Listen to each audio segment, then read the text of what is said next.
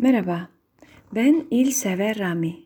Yeditepe Üniversitesi Rus Dili ve Edebiyatı Bölümü Doktor Öğretim Üyesiyim.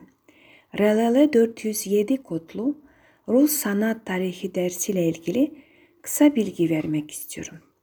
Bu ders 7. yarı yılda verilir. Dersin dili Rusçadır.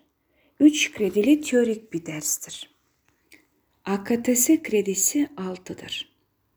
Ders öğrencilerde Rus kültür bilincinin derinleşmesini ve gelişmesini amaçlamaktadır. Derste 14.